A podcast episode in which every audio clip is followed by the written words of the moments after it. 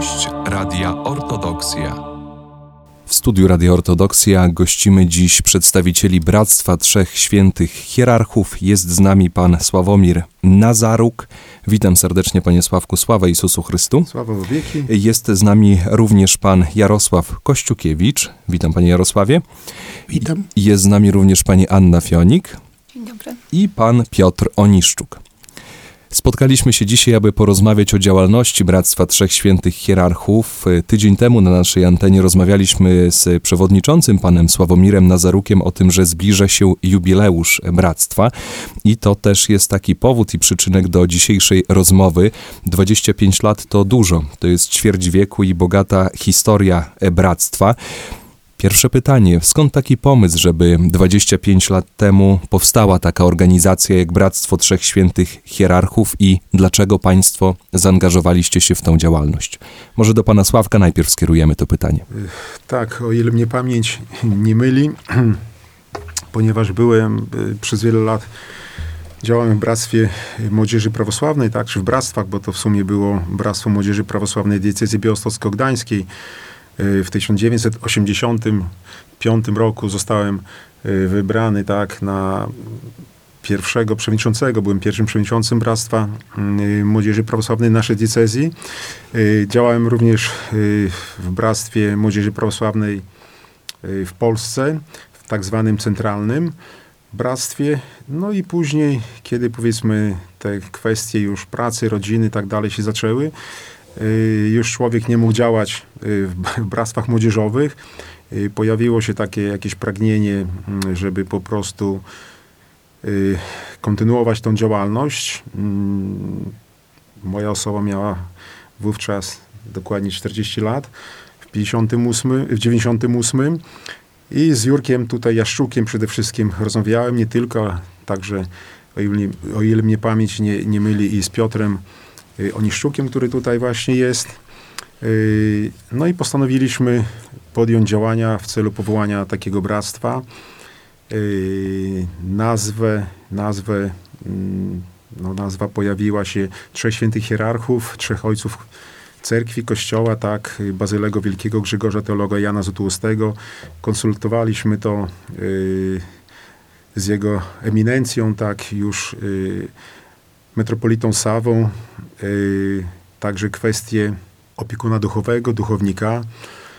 Tutaj mieliśmy szczęście, tak. Naszym ojcem duchowym został ojciec Ijow, tak, obecnie archimandryta z monasteru supraskiego.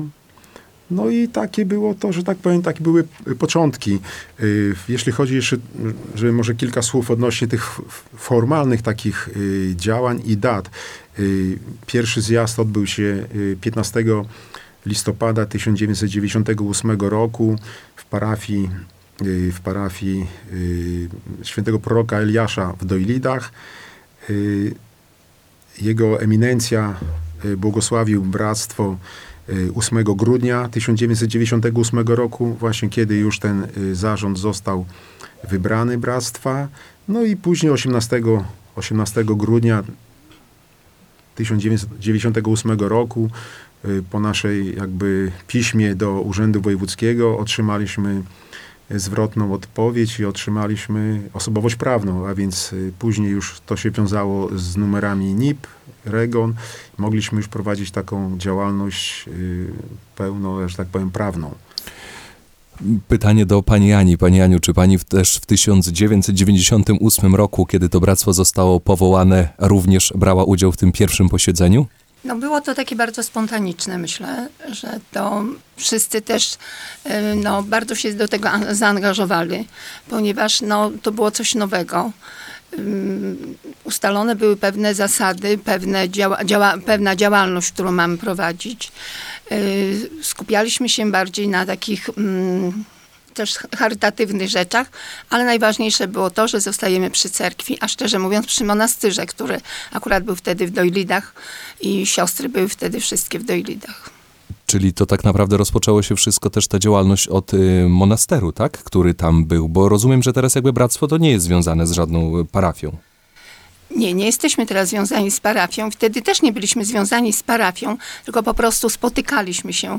Yy, w, na, mm, w Dojlidach na, mm, przy monastyrze. Natomiast w ogóle wszystkie spotkania nasze odbywały się na wygodzie na parafii, parafii Wszystkich Świętych, ponieważ tam było nam najbliżej. I ta parafia miała, przyjęła nas bardzo gościnnie. Ojciec Jan Fidorczuk bardzo nas em, zachęcał do tego, żebyśmy tam byli na tej parafii. I wszystkie spotkania nasze pierwsze odbywały się tam na tej parafii. Jeśli można tutaj w uzupełnieniu, ja przeczytam króciutko, tak, yy, właśnie jakby sprawozdanie Komisji Rekrutacyjnej z pierwszego zjazdu. Zjazd założycielski Bractwa Zjazd założycielski Bractwa Cerkiewnego Trzech Świętych Hierarchów Bazylego Wielkiego Grzegorza Teologa Jana Złotłockiego w Białymstoku 15 listopada 1998 roku Monaster Narodzenia Najświętszej Marii Panny w Białymstoku w domyśle w Dojlidach, tak? Sprawozdanie Komisji Skrutacyjnej. Komisja Skrutacyjna w składzie ksiądz Piotr Pietkiewicz, Marek Masalski i Anna Hrapowicka stwierdza, że 15 listopada 1998 roku dokonano, dokonano wyboru zarządu Bractwa Trzech Świętych Hierarchów na stanowisko przewodniczącego bractwa. Wybrano, może ja będę w skrócie, wybrano Sławomira Nazaruka.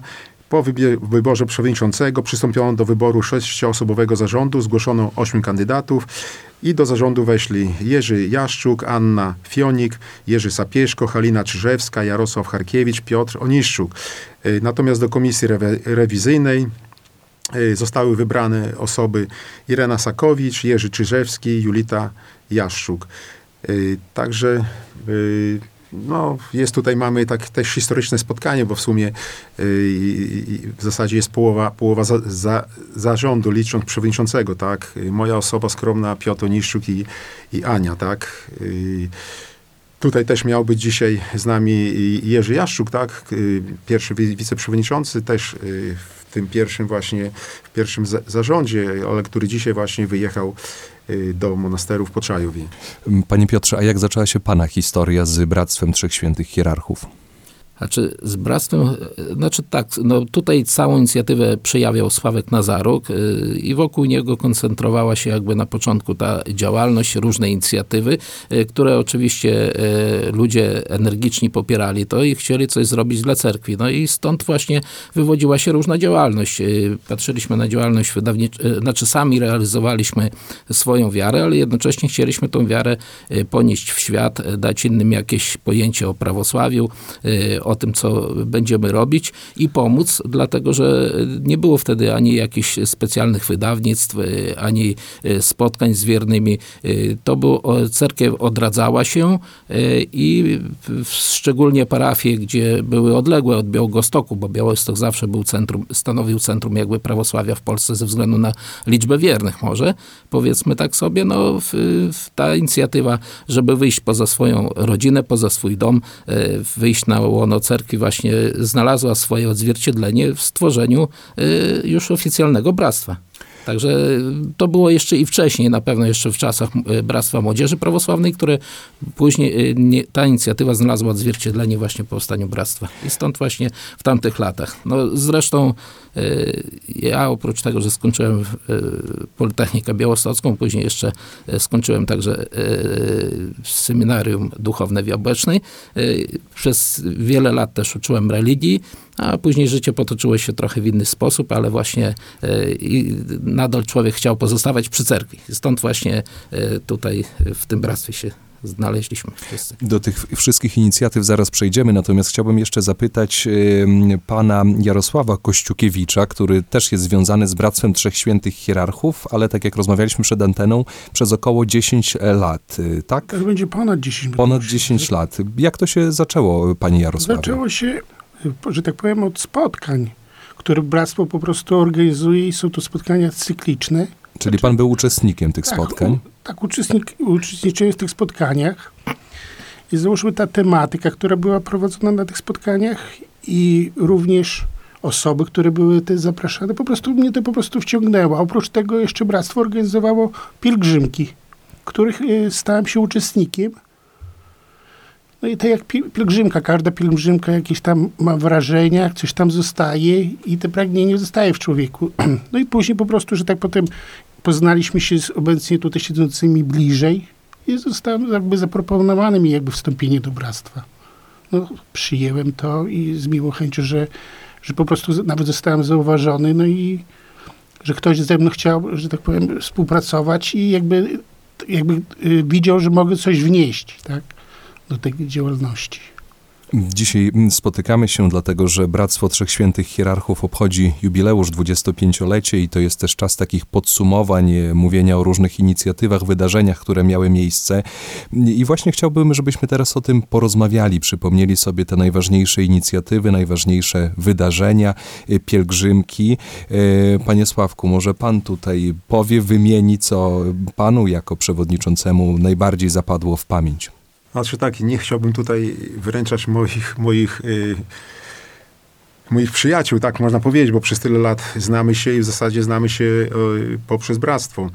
Nawet jeżeli ktoś, y, powiedzmy tak jak Ania, już aktywnie w bractwie nie działa, ale to, co ona robiła przez, przez kilkanaście lat, y, to po prostu tego nie można zapomnieć. Y, Podobnie jak Jarek, tak? Powiedzmy, Jarek właśnie gdzieś te kilkanaście lat, a więc powiedzmy 50%, można powiedzieć tak, 50% czasu działała Ania, teraz 50% działa Jarek mniej więcej, tak? Kilkanaście lat, 25 lat, więc to po te 12-13 lat, jeśli byśmy podzielili, więc ja nie chcę tutaj ich wyręczać, natomiast kilka inicjatyw. Mi się wydaje tak, że te nasze spotkania czwartkowe tak zwane, które są cykliczne, no średnio co dwa tygodnie, czasami rzadziej, czasami częściej bywało. Myślę, że to jest ponad 200 spotkań przez te, przez te i to też z duchownymi, z historykami, tak, chociażby tutaj pana Mironowicza, profesora Antoniego, czy profesora y, Mironowicza Eugeniusza, można wymienić, tak, y, ojców, tak, duchownych, prawda, y, tutaj powiedzmy, no nie wiem, y, ojciec, y, y, doktor y, Marek Ławreszuk, tak, ojciec y, Piotr, y, Piotr Pietkiewicz, tak, y, ojciec Michał Czykwin, y, ojciec Denis Rusnak, ojciec Andrzej Bołbot z Choroszczy, tak, y, i tutaj tematyka była, y, przepraszam, nasi, nasi władycy, tak, władyka y, arcybiskup Grzegorz, tak, y, nasi władycy, tak, y, nasz ordynariusz naszej diecezji, arcybiskup Jakub, y, arcybiskup, y, arcybiskup Grzegorz y, Supraski, y, biskup, y, przepraszam, y, arcybiskup y, Grzegorz Bielski, tak, arcybiskup y, jak Andrzej Supraski, y, Władyka Warsonofiusz, także tutaj naprawdę, poza tym osoby świeckie, które też no, na różne tematy ciekawe y, związane y, z wiarą, czy też powiedzmy z historią naszej cerkwi tutaj na Podlasiu, czy, czy, czy ogólnie w Polsce, na, na świecie. Y, Także tych spotkań było sporo. No, Kolejne y, inicjatywy to właśnie pielgrzymki. Ja nie będę wchodził, tylko tutaj moi koledzy powiedzą o tych, tych działaniach sze- szerzej, tak? Pielgrzymki piesze, pielgrzymki y, autokarowe, busowe tak zwane. Y, Poza tym nasze działania jakby y, wydawnicze, one oczywiście, my się nie mierzymy tutaj y, czy- czy z Bratczykiem, czy też y, powiedzmy z Przeglądem Prawosławnym, czy z innymi naszymi mm, wydawnictwami.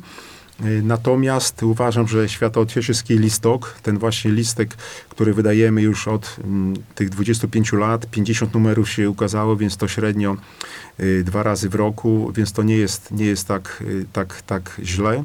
Uważam i też tematyka była mm, bardzo, bardzo różna i nie baliśmy się często poruszać takich tematów może niekoniecznie popularnych. Y, No i powiedzmy ta działania, te działania dla, dla dzieci, a więc choinki, przyjmowanie dzieci z domu pieczor, tak, yy, powiedzmy półkolonie, tutaj paschalne, przez kilka lat paschalne spotkania y, dzieci właśnie przy parafii y, prawosławnej, tak, na Antoniuku. Y, I takie bardzo ważne też, myślę, y, działania, y, no, pomoc monasterom też, tak, nie tylko w sensie, powiedzmy, takich jak, jakimś rzeczowym, ale były też takie, takie sytuacje, czy też y, jakieś darowizny, ale również właśnie poprzez te pielgrzymki, tak, kiedy, kiedy odwiedzaliśmy, wtedy mogliśmy wesprzeć też w, różny, w różnoraki sposób. Tutaj chciałem też powiedzieć, że y, o ile mnie pamięć nie myli, to powiedzmy, też dziwię się, że bractwo tak się zebrało, ale ta ikona Bochowieszczenia, zwiastowania, która się znajduje tak nad wejściem do monasteru, do cerkwi zwiastowania Najświętszej Maryi Panny, to jest właśnie ikona, y, którą bractwo ufundowało i która właśnie tutaj y, Ania Fionik y, właśnie po- podjęła ten trud zbierania tych datków.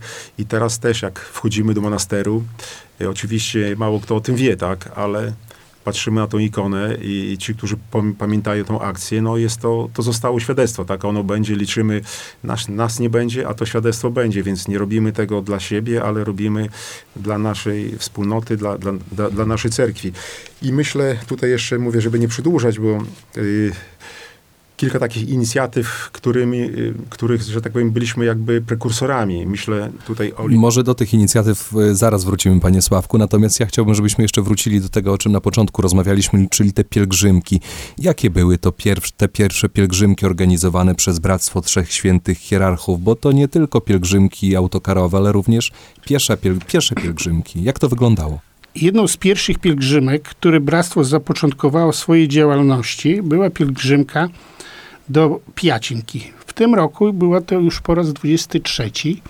Na tą pielgrzymkę zbiera się co prawda nieduża liczba osób, ale jest to pielgrzymka, że tak powiem, jako rodzina. W tym już po raz drugi wychodzimy teraz z monasteru w Zwierkach.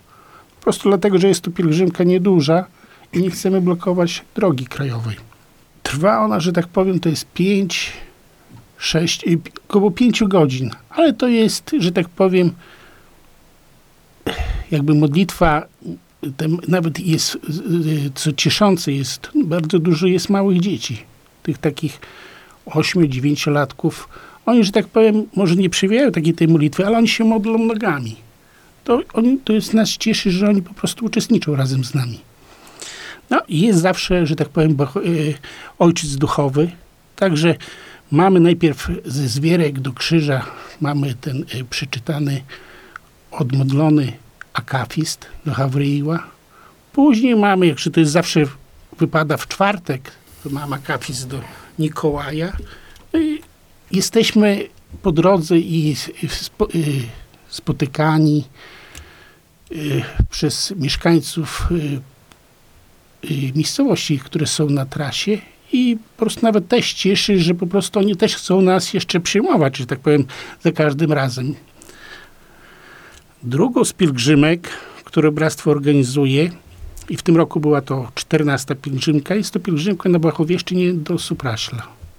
To jest, że tak powiem, pielgrzymka, która zaczyna w ogóle pierwsze pielgrzymki. No wiadomo, że to jest początek roku. Tu jest też różnie z tym, bo nawet jednego roku nie odbyła się pielgrzymka z, z powodu Epidemii. tego, że był, nie, nie, to nie była epidemia, było nawet śnieg był za duży, było śniegu, nie można było po prostu, były problemy techniczne, nie można po prostu było ludzi, że tak powiem, przeprowadzić, bo tam też jest droga, że tak powiem, ruchliwa. Pojawiały się również y, pierwsze pielgrzymki, y, że tak powiem, spontaniczne, na prośbę, załóżmy, biskupa, była to jedna z nich, to była taka pielgrzymka do Supraśla na wyświęcenie cerkwi Jana Teologa. To wtedy bractwo też się zorganizowało, że tak powiem, jeden telefon, drugi telefon, lista, jest, poszliśmy. Ludzie też zawsze, że tak powiem, na prośbę bractwa jest, że tak powiem, sygnał odpowiadają. Oni chcą po prostu uczestniczyć w tym. Również była taka pielgrzymka do Supraśla, jeżeli sobie przypomnę, to były relikwie Spirydona, jak były w Białymstoku. I potem były przemieszczone one do Supraśla. Też bractwo, że tak powiem, taką pielgrzymkę pieszą zorganizowało. Pozostałe pielgrzymki to są, że tak powiem, pielgrzymki autokarowe, busowe. To w zależności od ilości potrzeb i zainteresowania y, y, ludzi. Jak te zainteresowanie właśnie tymi pielgrzymkami wygląda, jeżeli weźmiemy pod uwagę te 25 lat działalności bractwa? No powiem, że jest, jest potrzeba, bo na, przykład cyklicznie jeździmy co roku na przykład zaczynamy te autokarowe, te pielgrzymki y, na początku y, w Wielkim Poście. I jest niedziela kresno pokłonna, to jest zawsze wyjazd na grabarkę. I zawsze się ludzie znajdują i chcą jechać. Potem y, po grabarce jak wracamy, zajeżdżamy do Zaleszan i powiem, że to nie są zawsze ci sami ludzie. Także jest, rozchodzi się, że ktoś tam gdzieś pojechał, że tak powiem, było modlitewnie, są zadowoleni, chcą uczestniczyć. Tak samo z tych, a jeszcze w Poście to dowojnowa też jest taki wyjazd. To, już jest cyklicznie, ludzie nawet się dopytują, czy na drugi rok to na pewno znowu pojedziemy. Pozostałe y, wyjazdy organizowane to są tak zwane wyjazdy pod prazniki. Latem do Zalesza, Zaleszańskiej Ikony Maciery Bożej i tych y, muczników podlaskich i chełmskich. To, to już teraz od pierwszego jakby od pierwszego święta ikony. Co roku jeździmy i zawsze są ludzie. Chociaż może teraz jest ich y, mniej, trudniej, bo to wiadomo, ale to jest jeszcze okres wakacyjny. Także tutaj też trzeba, że tak powiem, czasami musimy też się natrudzić, popracować, bo to wiadomo teraz, ale to teraz jest i są, y, internet jest, jest radio, że są tablice ogłoszeń, jakoś sobie radzimy. No. Pan już wywołał y, nieco ten temat jeszcze w kwestii pielgrzymek, bo teraz właśnie przy organizacji takich pielgrzymek to też jest nie lada wyzwanie, bo Bractwo Trzech Świętych Hierarchów organizuje również pielgrzymki międzynarodowe. W dobie internetu do monasterów y, na wschód, tak, to nie jest, wydaje się, takie trudne, bo są kontakty, można zadzwonić i tak dalej napisać. Natomiast te pielgrzymki od y, kilkudziesięciu lat są również organizowane i chciałbym tutaj zapytać, jak ta organizacja wyglądała jeszcze wcześniej, 10-20 lat temu, kiedy mm, no, nie mieliśmy takiego łatwego dostępu do internetu, nie mieliśmy takich kontaktów, jak to wszystko wyglądało. Ja myślę, że te pierwsze pielgrzymki to nie było, tak, nie było to też takie trudne, dlatego że mieliśmy kontakty różne z monastyrami. Wszędzie można było się dodzwonić, ewentualnie nawet wysłać maila na tym. I tak jak pamiętam, jeździliśmy do wielu miejscowości. Byliśmy na Krymie, w Chorwacji, y, w Piuchcicach, w Wilnie, w Petersburgu, w Moskwie. Y, zwiedziliśmy w Pieczorach co było najważniejsze. I nie jest to takie trudne. Bardzo ludzie ch chcieli jeździć, ponieważ to był taki zastój. Nie było, mm, nie było tych wyjazdów za wiele i naprawdę było, zawsze był pełny autokar, można powiedzieć.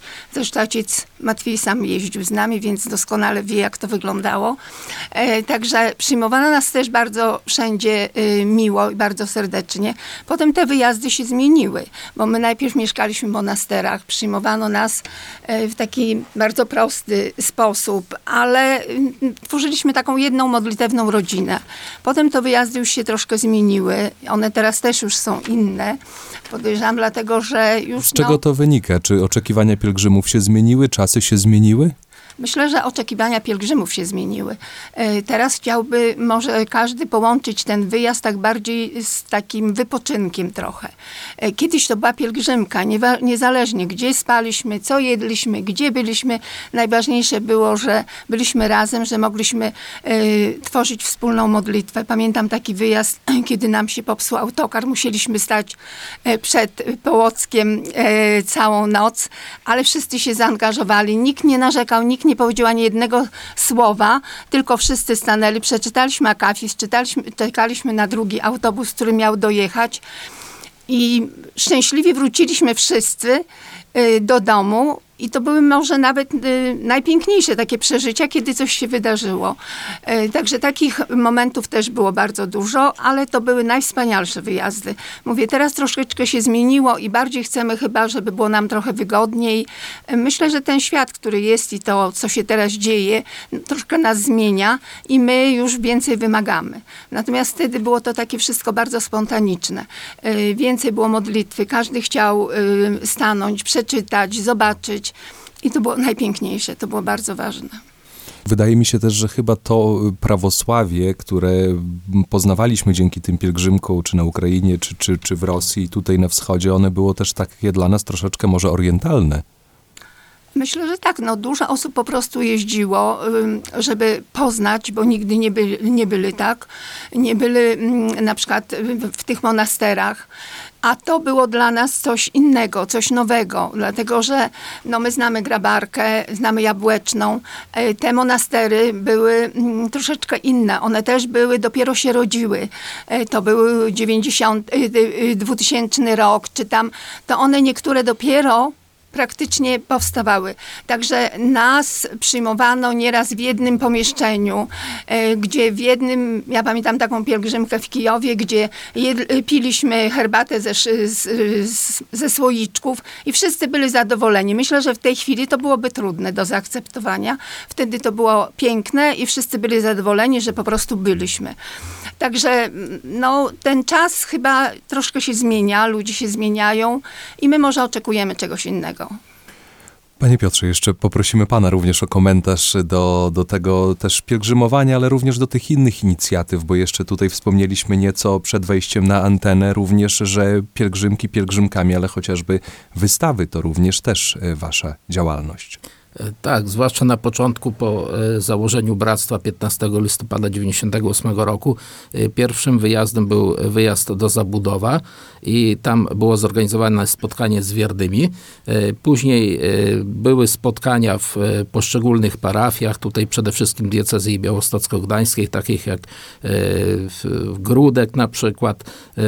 Odwiedzaliśmy Nową Wolę, a w następnych, a w następnych latach postanowiliśmy wyruszyć też trochę dalej, ponieważ tutaj no, jakoś prawosławie z Białymstokiem było bardziej związane, naszej, e, byliśmy sami związani bardziej z Białymstokiem, E, więcej tu było prawosławnych, e, działalność i parafii i wiernych była bardziej żywa, były jakieś inicjatywy organizowane, natomiast e, dla wiernych e, prawosławnych, którzy mieszkali w, no, w głębokiej diasporze, przede wszystkim e, na Mazurach, no to dotarcie do tych ludzi też było jakąś i naszą chęcią wielką zobaczenia tego świata e, i e, właśnie spotkania się z tymi ludźmi, przekazania czegoś. E, W czasie tych spotkań organizowaliśmy wystawy zdjęć, fotografii. Przede wszystkim to były fotografie ze Świętej Góry Atos, bo ja osobiście z kilkoma osobami wcześniej uczestniczyłem jako jedna z pierwszych pielgrzymek na Świętej Górze Atos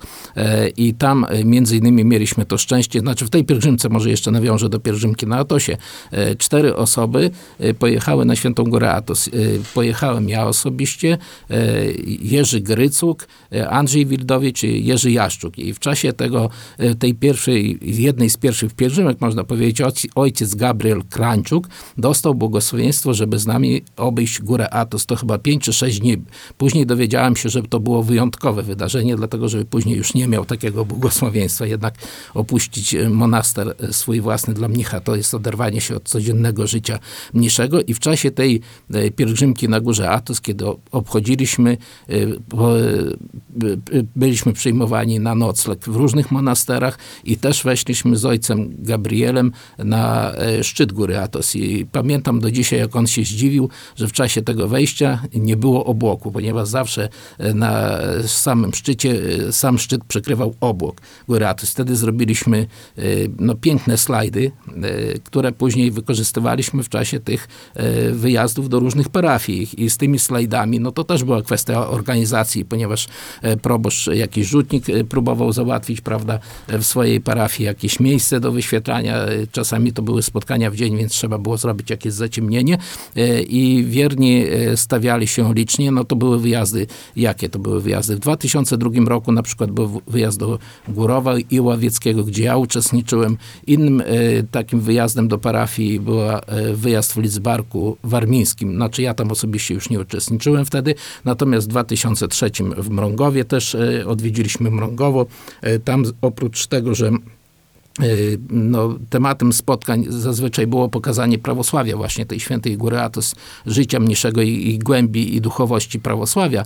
Natomiast y, jednocześnie też y, no, y, rozprowadzaliśmy listki, zostawialiśmy y, jakieś materiały dotyczące prawosławia, ponieważ w tamtych czasach też i wydawnictw, nie oszukujmy się, nie było y, za dużo w języku polskim, albo prawie wcale nie było i gdzieś dla tych wiernych należało to jakoś przekazać, prawda, żeby oni zobaczyli inny świat e, prawosławia. Więc te pierwsze e, właśnie wyjazdy były takie bardzo entuzjastyczne. Oczywiście one też wiązały się z tym, że należało na dzień, dwa pojechać, bo to nie było gdzieś, e, że się jechało na godzinę, dwa, dwie, tylko tutaj blisko, tylko trzeba było, prawda, zorganizować, dzień wcześniej pojechać, przenocować w parafii, czasami na drugi dzień, w ten sam dzień wieczorem wracać. To były i odległości, z tym, że no, raczej patrzyliśmy w ten sposób, że poświęcaliśmy też swoje jakby jakby środki na paliwo. Nikt na to nie patrzył, można tak powiedzieć bardziej. Nie zwracaliśmy na to uwagi. Było za co żyć, więc tutaj właśnie też człowiek starał się dać, oprócz tego, że były jakieś środki z bractwa, prawda, z tych niewielkich składach, to też dał, starał się dać coś od siebie. I były to bardzo, no chyba potrzebne wyjazdy dla tych wiernych, ponieważ naprawdę zbierało się spore grono wiernych. Oczywiście w tych no, parafiach pozostających w diasporze wiadomo, że tam było e, mniej wiernych, tym niemniej ludzie później zadawali pytania. Do ostatnich takich wyjazdów, e, bo ja jakiś okres w bractwie nie byłem, e, należały wyjazdy na przykład do Elbląga, tutaj Sławek wspomina to ze Sławkiem, jeździliśmy wyjazd do Gdańska, gdzie jeździłem między innymi z jednym z członków zarządu, z Adamem. Także wtedy to było spotkanie w 2019 roku, już o, o wiele późniejszym okresie, na temat kalendarza juliańskiego, y, ponieważ wiemy, że teraz Cerkiew Prawosławna w Polsce y, właśnie oficjalnym kalendarzem Cerkwi Prawosławnej w Polsce jest kalendarz juliański, czyli możemy inaczej powiedzieć stary styl. Dla tych, którzy przyłączyli się do naszej rozmowy, przypominam, że w studiu Radia Ortodoksja gościmy dziś przedstawicieli Bractwa Trzech Świętych Hierarchów. Rozmawiamy o działalności Bractwa Trzech Świętych Hierarchów. Wspominamy 25 lat działalności tak naprawdę. Myślę, że mm, taką ważną inicjatywą e, była również inicjatywa przyjazdu do Polski dzieci z domu dziecka w Pieczorach. E, skąd pomysł na realizację tego przedsięwzięcia i myślę, że to chyba było niełatwe przedsięwzięcie, bo z tego, co już tak troszeczkę słyszymy, no to bractwo do tej pory nie zajmowało się taką działalnością, nie specjalizowało się w tym. To była bardzo spontaniczna akcja. Pojechaliśmy na pielgrzymkę do Pieczor i Bóg tak sprawił, że spotkaliśmy dzieci z domu dziecka, które były bardzo biedne, przychodziły do y, matuszki Anny po prostu, żeby się pomóc jej, a przy okazji, żeby były, zostały dokarmione przez nią. I kiedy zorientowaliśmy się, że te dzieci są z domu dziecka, zainteresowałam się i poszłam do tego domu dziecka. Chciałam zobaczyć, jakie są te warunki, bo to, co dzieci mi opowiadały, przerażało mnie. E, dzieci miały, jadły praktycznie tylko kaszę. To był taki okres, przez pół roku nie miały mleka. I kiedy zaszłam do tego domu dziecka, no zobaczyłam ten widok taki, troszeczkę porażający i postanowiłam, że przy, po przyjeździe porozmawiam po prostu. Może się uda coś zrobić, żeby tym dzieciom w jakiś sposób pomóc. To były po prostu takie lata, kiedy tam było też bardzo ciężko. Po przyjeździe pierwszą rzeczą, którą zrobiliśmy i kiedy opowiedziałam o tych dzieciach, zebraliśmy pieniądze na to mleko. E, tego przesłaliśmy to w, sumie w prezencie, tak jakby na Boże Narodzenie, żeby te dzieci miały, e, te dzieci miały po prostu mm, no, taką taką uciechę, że dostały chociaż mleko. Pan Sławek Na... pokazuje pokwitowanie chyba nawet, Ksero, tak? tak? Kserokopie. 99 rok, faktycznie 22 grudnia 99 roku. 2520 rubli. Mhm. To była spora suma mhm. wtedy. Mołoko, suchoje. Mołoko, suchoje, tak. E, tak, i mm, wtedy też postanowiliśmy, że może będzie możliwość porozmawiania i sprowadzenia przynajmniej kilkoro dzieci. A co jeszcze mi zaskoczyło, te dzieci, które przychodziły do, mm, do tej, do matuszki, to były dzieci, które nie pojechały też na wakacje, dlatego, że to były trudne dzieci i one zostały.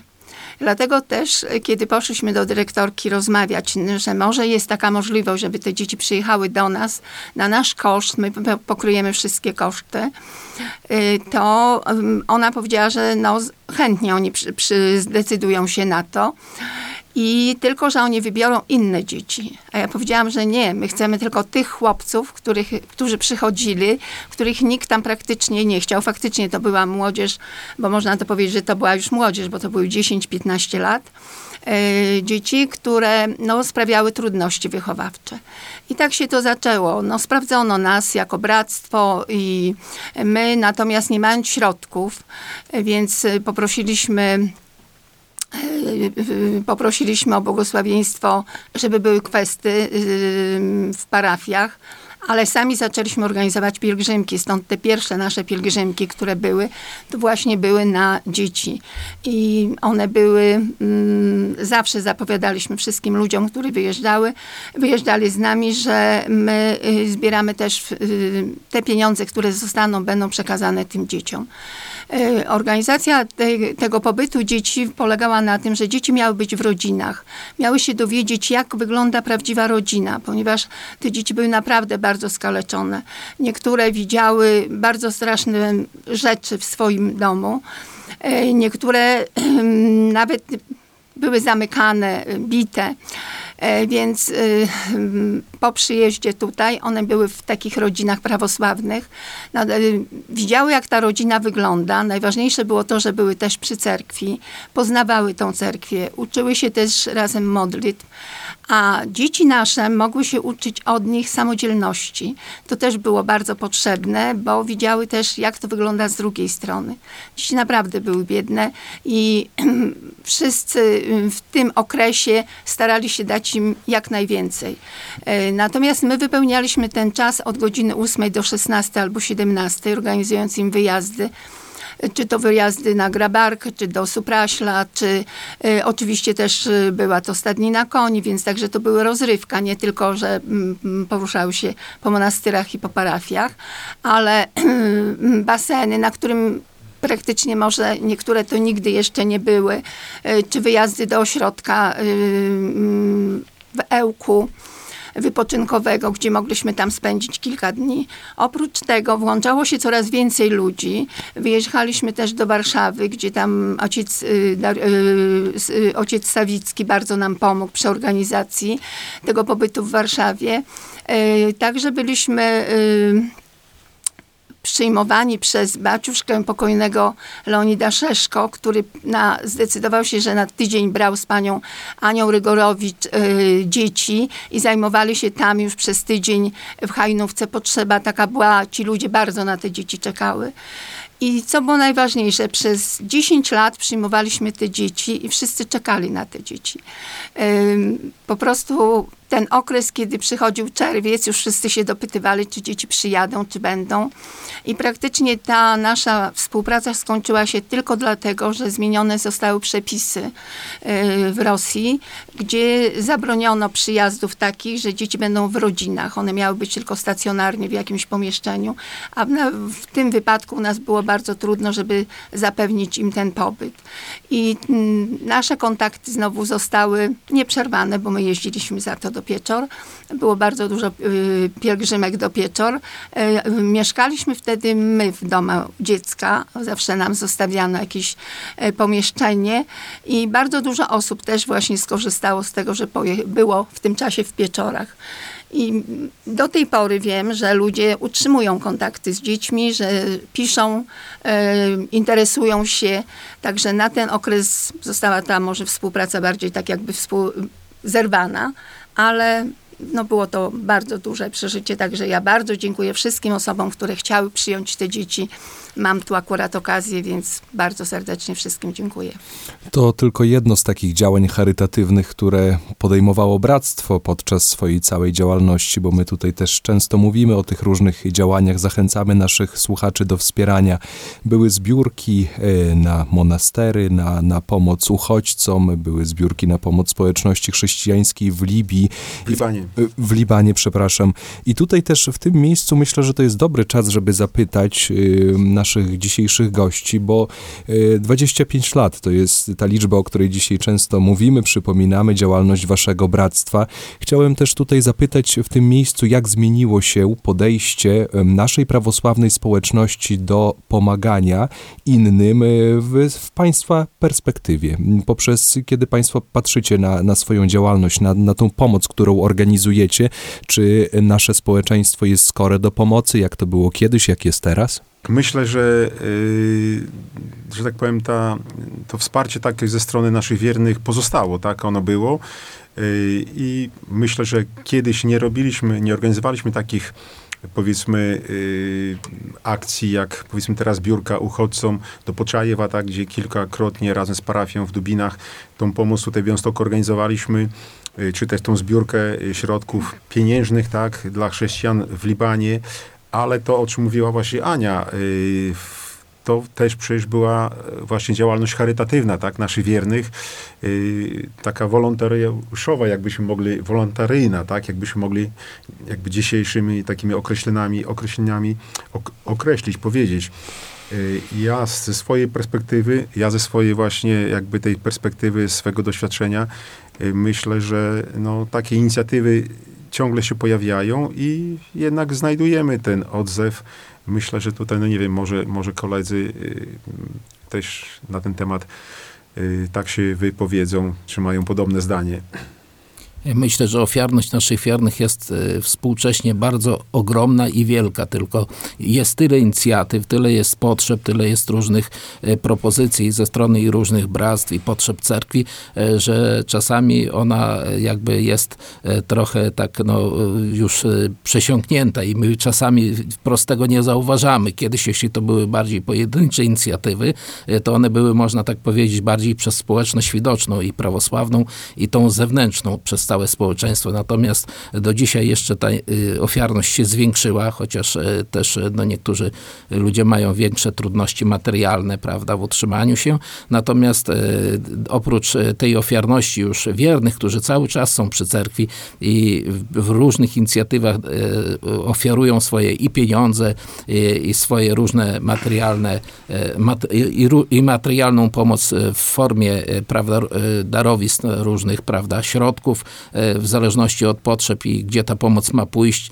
E, to, e, Także w te inicjatywy włącza się też e, e, społeczność, nie tylko prawosławna, a wokół prawosławna. Ludzie, którzy może mniej uczestniczą w życiu cerkwi, nawet e, nieprawosławni. Także to też jest bardzo cenne, że miłosierdzie e, w społeczeństwie jest bardzo ważne. E, Ludzie widzą potrzebę pomocy e, sobie materialnej, e, w różnej pomocy innym społeczeństwom, innym wiernym poza granicami nawet kraju i to jest cenne, ponieważ jak sami wiemy, miłosierdzie jest jedną z podstaw życia chrześcijańskiego i duchowego każdego człowieka na świecie.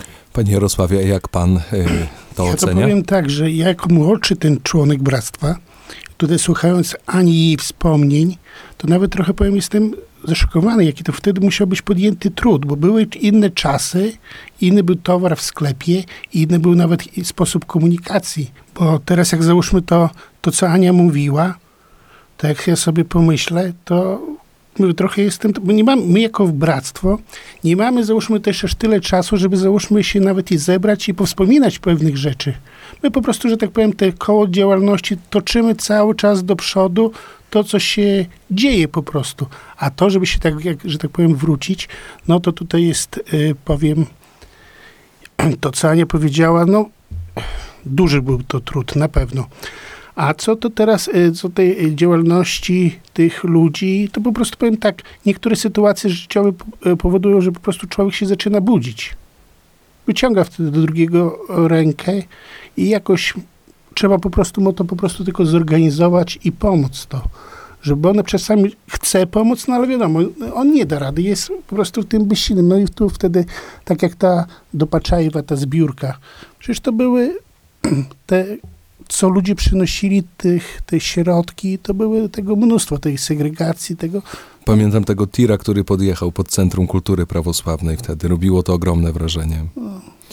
Ja myślę, że my nie, dzisiaj jakby nie jesteśmy w stanie mówić o tych wszystkich inicjatywach, tylko sygnalizujemy pewne rzeczy. Dalej będziemy to robić, bo tego przez nie sposób podczas naszego jednego spotkania opowiedzieć 25 lat działalności bractwa, tylko sygnalizujemy niektóre rzeczy. Y, Panie Sławku, jeszcze chciałbym zapytać y, właśnie, jakie według Pana były największe te wyzwania w ciągu tych 25 lat?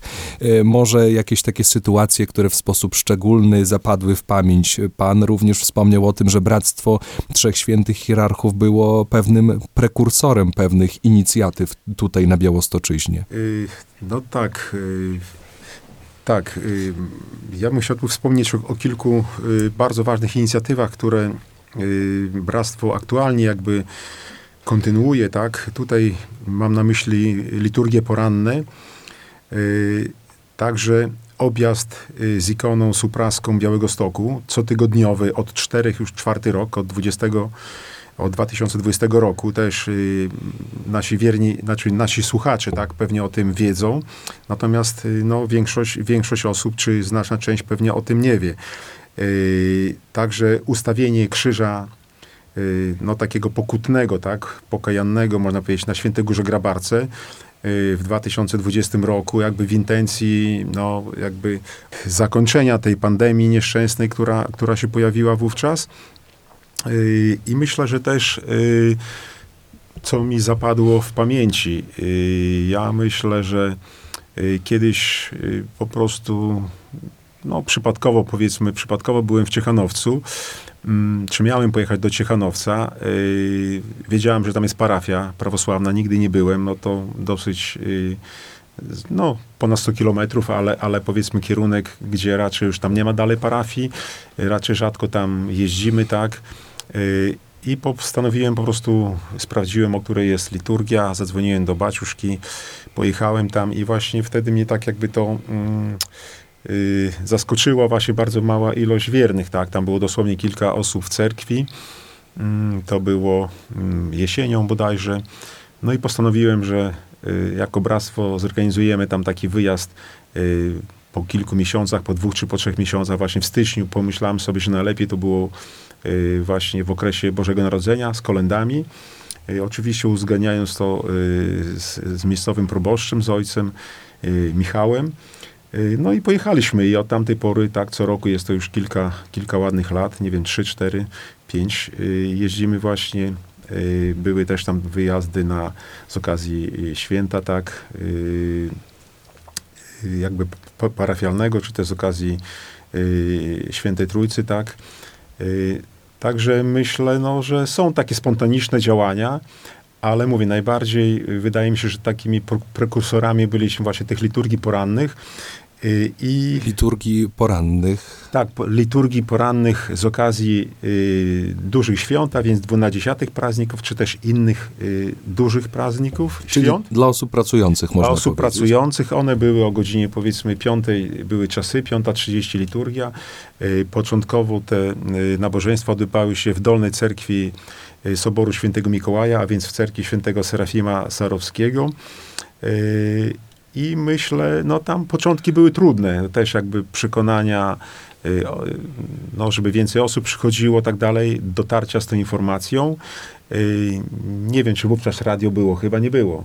Jeszcze tak, wydaje mi się właśnie, ale, ale to się powiedzmy y, systematycznie kilkanaście razy do roku takie liturgie odbywały się. No trzeba było zorganizować tak chór, powiedzmy dyrygenta i inne jeszcze kwestie, ale to myślę, że Z korzyścią dla z wiernych. korzyścią dla wiernych, dlatego że później inne parafie poszły, tak, y, powiedzmy w te w ślady i wiem, że kilka parafii białostockich organizuje takie liturgie poranne, więc jest to bardzo ważne. I jakby ta ostatnia inicjatywa, która się pojawiła w czasie pandemii, y, to właśnie objazd z ikoną supraską Białego Stoku. Ja myślę, że to też jest takie, ostatnio taka myśl mi przyszła, że Bielsk Podlaski ma swoją y, jakby taką y, kresny chod, tak, procesję z bielską ikoną. Preświatowej Bohorodzicy, tak, ma, Matki Bożej, to przeważnie w czerwcu się odbywa. Yy, Hajnówka ma też taką, taki kresny chod właśnie w okresie jesiennym, gdzieś tam październik przeważnie chyba. Yy, ja pomyślałem właśnie, że yy, tutaj jakby u nas takich systematycznego, yy, systematycznych takich, takich pielgrzymek kresnych chodów nie ma Białymstoku, ale pomyślałem właśnie, że może ta inicjatywa, która rozpoczęła się w czasie pandemii, yy, ojciec Ijow błogosławił nasz duchownik, żeby ją kontynuować, to już jest czwarty rok i każdego tygodnia, poniedziałek, wtorek, środa, przeważnie tak na początku tygodnia staramy się, no, y, dwie osoby co najmniej, kierowca i osoba, która czyta akafist i czyta y, jeszcze inne modlitwy, tak, o pokój, powiedzmy tam w, w różnych intencjach. Objeżdżamy Białystok, tak, y, tymi, ty, tą obwodnicą maksymalnie jak można najbardziej zewnętrzną, to jest około, około nawet ponad 40 kilometrów. Także y, to też jest jakiś trud i myślę, że to jest też wielka, wielka sprawa, tak? Bo w końcu dla osób wierzących, no wierzymy, że to też pomaga, żeby to miasto jakoś normalnie funkcjonowało, żeby nic jakoś tam, nic złego nie spotkało, tak? Tutaj już kilka razy też e, była mowa o tym, że duchowym opiekunem bractwa jest ojciec Ijow, archimandryta z supraskiego monasteru. Myślę, że postać znana naszej prawosławnej społeczności, tutaj szczególnie na, na Podlasiu.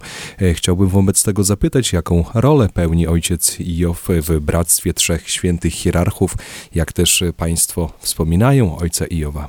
Znaczy ojciec Jow pełni bardzo wielką rolę, dlatego że nawet jego spotkania, czy zapoczątkowujące, czy kończące jakby e, rok działalności bractwa, bo latem jest jakby taka krótka przerwa, gdzie e, prawie się nie spotykamy, chociaż pozostajemy w modlitewnym związku, e, zawsze mm, porusza współczesne tematy bardzo głęboko, czyli jest to prawosławie, e, informuje nas o pewnych wydarzeniach w świecie, e, jednocześnie przedkładając duchową naukę, które nie są oderwane od życia. Prawosławie jest nierozerwalnie związane, nierozerwalnie związane z codziennym życiem, inaczej utraci swoją płaszczyznę bytu. I właśnie ojciec Iów e, tutaj właśnie w sposób szczególny przedkłada nam to słowo, poruszając e, e, to, co się dzieje w otaczającym nas świecie, rozwiązując problemy, wskazując pewne drogi.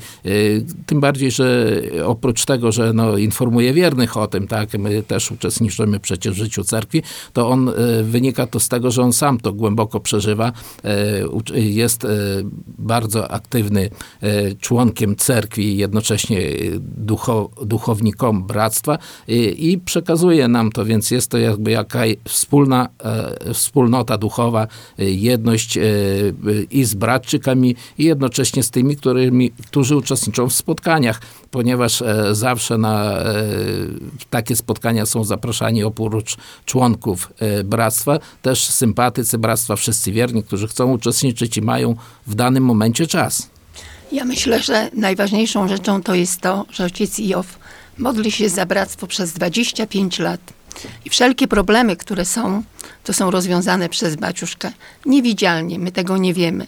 Ale to wszystko, że ono jeszcze jest, że ono było, to zawdzięczamy tylko dla Ojca Duchownego, dla Ojca Ijowa. I cieszymy się tak, że no, przez 25 lat y, jakby y, jest razem z nami, tak. Y, Miał też błogosławieństwo, tak. y, Ze strony jakby y, tak biskupa tak die, die, diecezjalnego i przełożonego swojego monasteru, a więc tak władyki Andrzeja i to jest, to jest też bar, bardzo ważne, tak, że jakby tutaj mm, też, no wiadomo, w działalności są różne, są różne, że tak powiem, też problemy i że ojciec Jow po prostu też no, pomógł czy pomaga nam je rozwiązywać. Panie Jarosławie, jeszcze chciałbym pana zapytać, jako najmłodszego członka tutaj bractwa z tych osób y, zgromadzonych. To ja powiem tak trochę humorystycznie, bo zawsze jak wywiesimy zawsze jakieś ogłoszenie, czy jest przygotowanie do jakiegoś spotkania, to członkowie bractwa i osoby zainteresowane tym spotkaniem, to zawsze pytał się tak, a ojciec Jow będzie? A ojciec Jow będzie? Jest taka po prostu potrzeba tego, do tego źródła i usłyszenia tego słowa od ojca Jowa. No czasami jest, ludzie przychodzą, to tak jak y, Piotr mówi, są to czasami ludzie postronni, którzy chcą coś usłyszeć, czasami widać nawet w ich te, w oczach to jest skupienie, jak ojciec się wypowiada, bo ojciec się wypowiada na wszystkie y, problemy, które y, i otaczające nas i te y, trudne, stara się nam po prostu wyjaśnić to w spochu, sposób duchowy, tak żebyśmy po prostu do tego też i emocjonalnie czasami nie podchodzili do niektórych spraw. Ja myślę, że w ogóle dzięki tym wszystkim spotkaniom, pielgrzymkom, tym wszystkim inicjatywom związanym y, z mm, i działalnością charytatywną i z życiem cerkwi, to chyba świadomość taka religijna naszego społeczeństwa wzrosła. No to trudno nam już, nam, y, trudno jest nam ojcze oceniać, y, tak, y, żebyśmy tutaj też nie mieli jakichś y, zbyt dobrego mniemania o, sobie wysokiego, że tak powiem, w, taki, w takim se, sensie, nie? Natomiast myślę, że y, to, co tak mam tutaj te, te, te, te listki niektóre, tak, mówię, mm, tak policzyłem sobie, na pewno jest to około 150 do może nawet 200 tysięcy, tak, egzemplarzy wydanych. Y, I to były kwestie naprawdę bardzo, bardzo ważne, tak? Czy chociażby kwestia Eucharystii, tak? W okresie pandemii, gdzie były różne, powiedzmy, zawirowania, różne trudności i różnie wierni, powiedzmy, podchodzili. Tutaj było, było jasne, tak? Ponad 10 tysięcy egzemplarzy tego właśnie listka z tym tematem, z artykułem napisanym przez siostry z Turkowic. Y, myślę, że też zrobiło y, jakby bardzo dobrą, no jakby bardzo dobry odbiór i to była wielka też taka misja wewnętrzna, tak, wśród, wśród naszych, naszych wiernych i innych, czy chociażby powiedzmy kwestia, y, powiedzmy, no, kremacji, tak, y, czy to jest dopuszczalne, czy niedopuszczalne z, z punktu widzenia chrześcijańskiego, a przede wszystkim prawosławnego i także innych religii i inne, ja już tutaj nie chcę wymienić. Chciałem jeszcze też do jednej, tutaj umknęła mi, bo mówię, tyle jest tych, ja kiedy przeglądałem ostatnio te kroniki wiele lat, y, no bo to jest normalne, że na co dzień się nie, nie, nie zagląda do kroniki. Kto, ta osoba, która prowadzi to, y, że tak powiem, ma te, te czynności, ona to na bieżąco śledzi, tak? I kiedy te trzy kroniki przejrzałem, po, po, powiem, że po prostu pewne rzeczy zaczęły mi się też przypominać. No to jest niestety, działamy tak, y, mamy swoje sprawy też społeczne, zawodowe, rodzinne i tych, tych, tych, tych, tych tematów jest mnóstwo. I mówię, po prostu jestem też pod wrażeniem. No tutaj nie chodzi tylko o mnie jako przewodniczącego, bo ja jestem przewodniczącym, ale bractwo to jest bractwo, to, to jest zarząd, y, jest wiele osób, jest opiekun duchowy i też wiele innych osób, które jakby tutaj y, też ad hoc czasami właśnie przy takich zbiórkach pomocy, one jakby nie, nie, należą aktywnie może do bractwa, ale wtedy się, się włączają. I chciałem jeszcze też powiedzieć, że te nasze spotkania takie y, świąteczne w okresie z okazji świąt Bożego Narodzenia, czy też y, Wielkanocy, tak, Paschy, w ostatnich latach, kiedy było coraz więcej e, jakby cudzoziemców przyjezdnych ze wschodu, tak, z Białorusi, z Ukrainy może przede wszystkim, ale także z Kazachstanu, e, z Gruzji, myśmy też właśnie takie kilkakrotnie takie spotkania organizowaliśmy. Poprzez parafie, zapraszaliśmy poprzez proboszczów, tak, żeby rozdawali te zaproszenia. I to nie były tylko takie suche spotkania, staraliśmy zawsze jakichś kolenników organizować, tak, dzieci gdzieś tam, nie wiem, przez katechetów, chóry nasze, tak, więc więc oczywiście jakiś poczęstunek, więc myślę, że oczywiście te osoby później, tam większość gdzieś tam wyjechała na zachód, być może tak, czy, czy, czy do innych miast, ale wydaje mi się, że właśnie bardzo ważne jest nie zastanawianie się nad tym, czy to będzie miało jakiś tam długofalowy, tam nie wiem, sens, czy to jest warto, oni tam przyjadą, tam pojadą gdzieś do lepszej pracy. Nie, to jest w danym momencie, jeżeli jest taka potrzeba, ad hoc trzeba coś robić, trzeba właśnie odpowiadać na te wyzwania, na potrzeby też y, powiedzmy naszych wiernych, czy tej sytuacji, w której się znajdujemy, tak? A jak będzie później, to tak jak właśnie z tą ikoną. Miał być ten 20 rok pandemia, jest już czwarty rok, 23 rok, czwarty rok z, z kolei wiele osób jeździ, czyta akafisty w intencji nie tylko nas prawosławnych czyta te akafisty, ale w intencji naszych, mieszkańców naszego miasta, tak? Także to jest myślę też duże, duże wyzwanie. Myślę, że warto również przypomnieć naszym słuchaczom o takiej działalności Bractwa Trzech Świętych Hierarchów, y, o lekcjach języka rosyjskiego, które odbywały się w Centrum Kultury Prawosławnej. Tak, nasze bractwo, bractwo y, od, że tak powiem, samego początku, tak, y, postanowiło prowadzić też y, naukę języka rosyjskiego, żeby powiedzmy, no też y, nasze dzieci, nasza młodzież mogła jakby lepiej tutaj też y, rozumieć, tak, powiedzmy język słowiański i też jakby te kontakty y, pielgrzymkowe, tak, y, przede wszystkim no, z Rosją, ale, ale nie, nie tylko, tak, Białoruś, Ukraina, żeby można było y, lepiej się, się porozumiewać. I myślę, że to też y, ono, znaczy ta działalność jest kontynuowana do, do chwili obecnej, tak? Y, nie jest to już oczywiście, y, że tak powiem, ilościowo tak, nie przedstawia się tak, jak to na, na początku się przedstawiało, ale jest ona kontynuowana i przez te kilkanaście lat naprawdę wielka ilość osób no, miała możliwość zapoznania się właśnie poznania języka rosyjskiego i tutaj y, też warto wspomnieć o tych wyjazdach, które miały miejsce tak do Moskwy czy do Petersburga, y, kiedy te dzieci tak y, mogły po prostu Wykorzystać y, język w wykorzystać praktyce. y, tą właśnie naukę tego języka w praktyce, tak, i mogły porozumieć się no, z mieszkańcami, czy tam Petersburga, czy też Moskwy, tak, podczas tych, tych wyjazdów. Jakie to były wyjazdy, panie Jarosławie? To był wyjazd do Petersburga i do wyjazd do Moskwy. To były jakby rok po roku takie były te wyjazdy Czyli najpierw grupa uczyła się języka rosyjskiego tutaj w Białymstoku, a potem Chętni z tych dzieci mogły właśnie uczestniczyć w takim wyjeździe dla nich, że tak powiem, zasponsorowanym, znaczy z dro- y, obniżoną opłatą. Ale to mhm. było widać nawet i radość tych dzieci przy zakupie nawet takiej zwykłej y, gałki lodu, gdzie dziecko przychodziło i mówi, nie zrozumiano.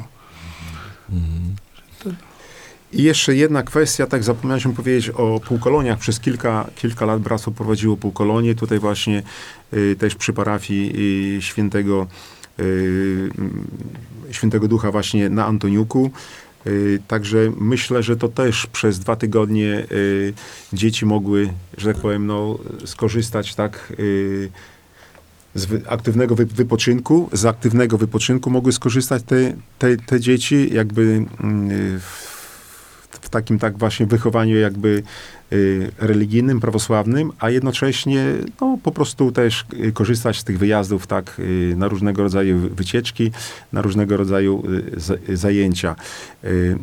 I to, o czym wspominałem, z nie, niektórych tych działań bractwo już nie, nie prowadzi, ale to też z tego powodu, że właśnie jakby to przyjęły, czy też inne, inne bractwa, czy też parafie, y, parafie czy też po, po prostu no, czas, czas, że tak powiem, na pewne działania był, na pewne działania się skończył. Po prostu kto inny to robi bardziej, y, że tak powiem, fach, bardziej fachowo, bardziej, bardziej może lepiej, aniżeli myśmy wtedy mm, tak y, spontanicznie próbowali wypełnić jakąś, powiedzmy, no, y, niszę, czy jakąś pustkę, która, która w pewnych tam, mówię, może formach działalności była.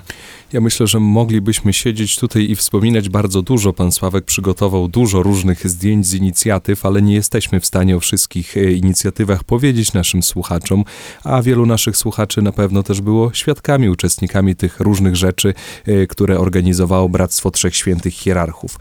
E, Pan Sławek powiedział o tym, że mm, jeżeli coś się dzieje, to trzeba reagować i trzeba coś robić. I my się z tym wszystkim zgadzamy, tylko żeby coś zrobić, to są potrzebni również ludzie do tego, żeby, mm, no, którzy chcieliby się zaangażować w takie działania. Chodzi mi o, orga, o organizatorów. Państwo, mimo mm, tego, że działacie w Bractwie Trzech Świętych Hierarchów, no już bardzo e, długi okres czasu, to cały czas widać w, mm, w naszych gościach chęć takiego działania. Jak Państwo o tym opowiadacie, to cały czas widać, że to, to jest bliskie, że cały czas chcecie coś robić.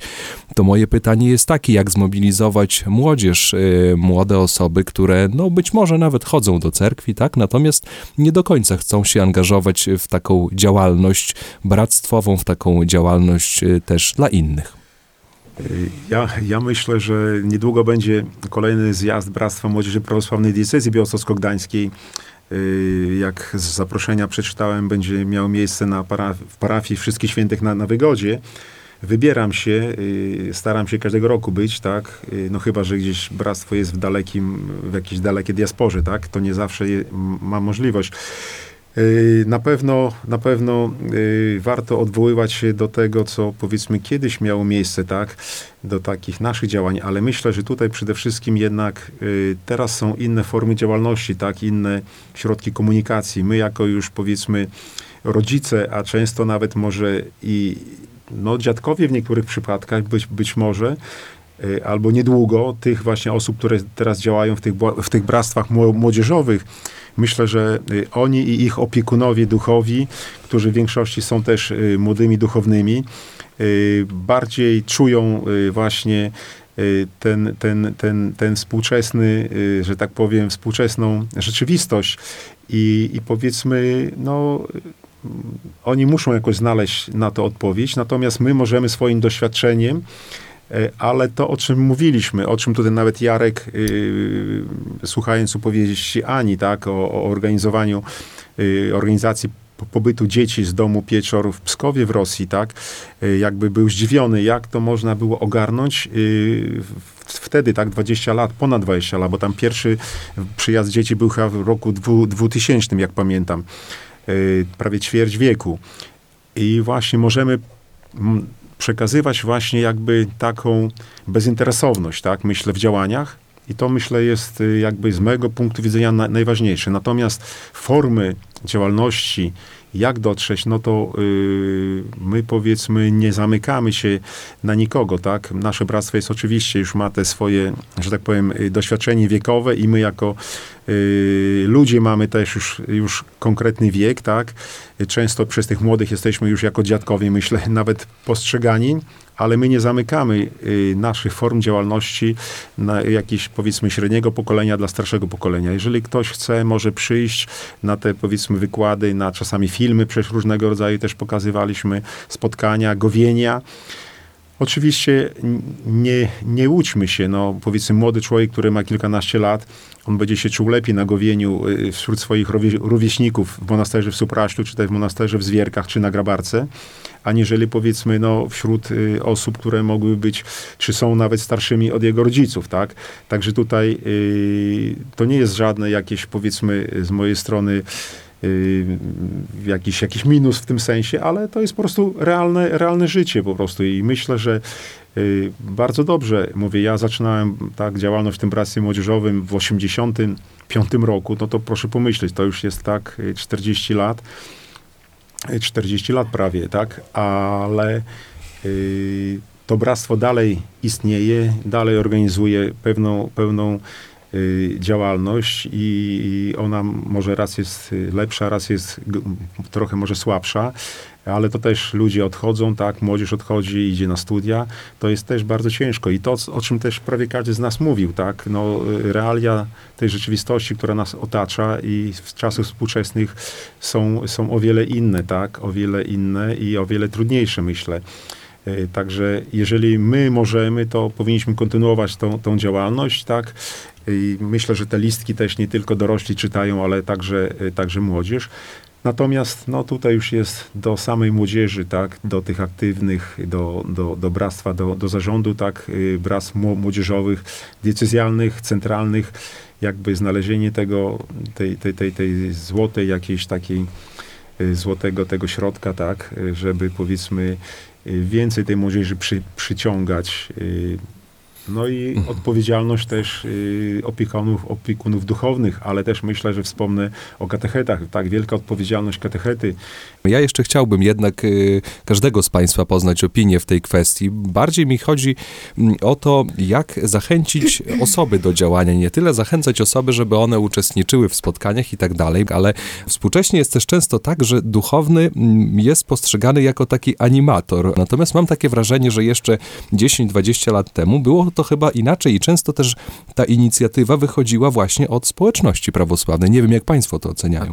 Każdy wierny jest członkiem cerkwi prawosławnej, zarówno osoba świecka, jak i osoba duchowa, ale nie oszukujmy się, e, wierny jednak w sposób szczególny postrzega każdego duchownego w swojej parafii. Czy to będzie proboszcz, czy to będzie wikariusz, jednak on e, zawsze na niego się patrzy, jak on postępuje, jak się zachowuje, co powie, czy zbiera i jego słowo się liczy bardzo ogromnie. Dlatego E, te formy przede wszystkim są realizowane na szczeblu parafialnym, gdzie tutaj wzorem postępowania, życia powinien być proboszcz plus duchowni, bo zawsze oni będą postrzegani. Nawet jeśli ktoś dostrzeże, że, kto, że duchowny w jego opinii postąpił źle, nie tak, to jednak mimo wszystko, jeśli będzie on przyjawiał miłość, jeśli odezwie się dobrym słowem, jeśli zachęci do spotkania, czy młodzież, czy stworzy warunki, czy nawet teraz no, niektóre formy są przenoszone na parafie, na przykład w niektórych parafiach są listki wydawane już przez parafię, to też z inicjatywy, nie oszukujmy się, zawsze proboszcza, on jest motorem napędowym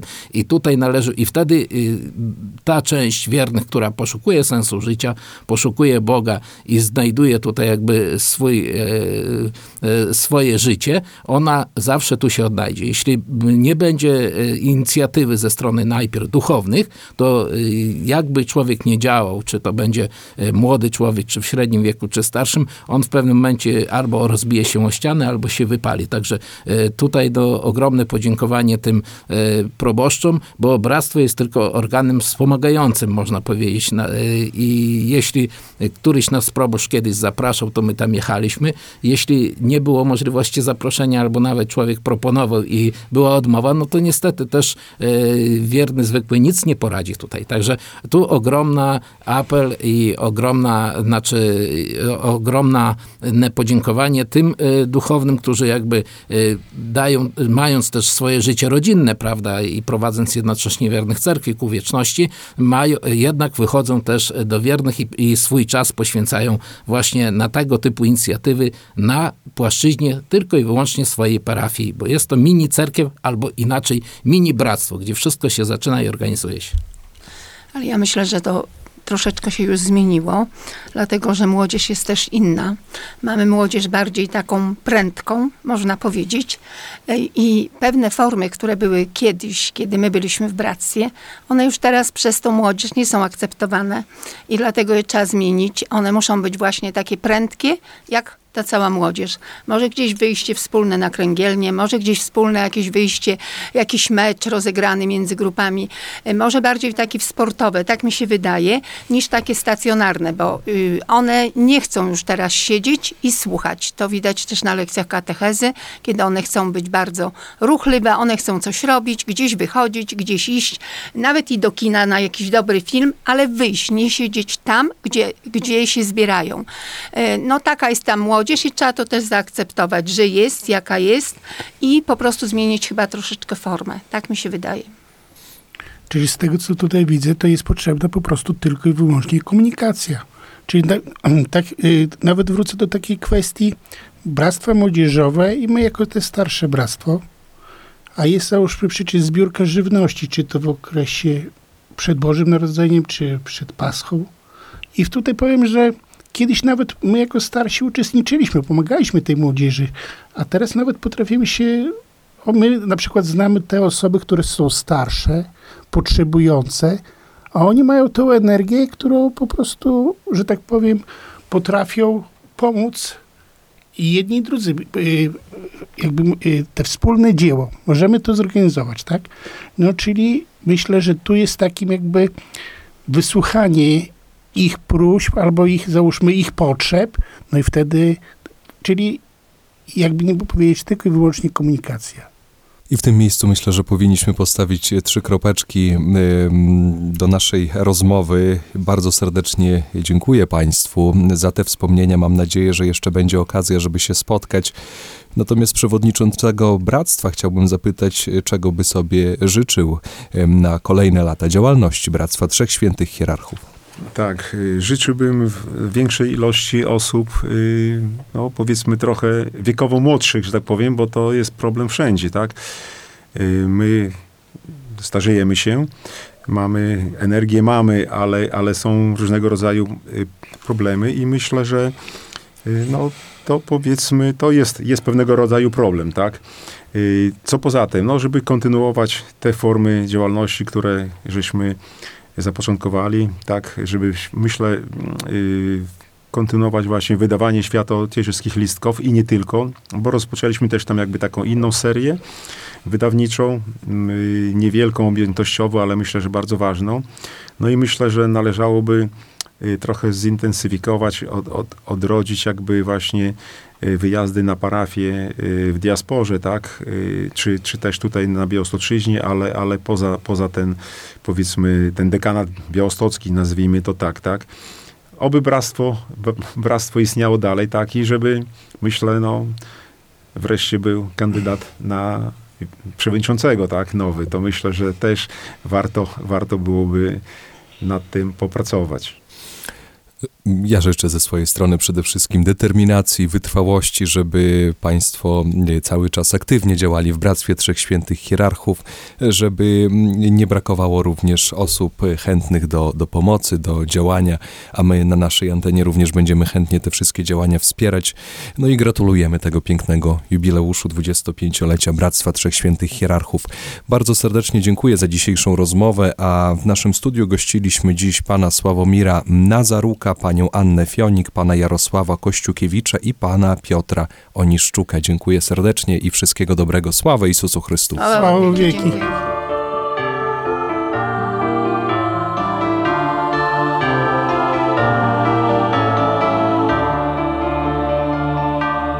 Gość Radia Ortodoksja.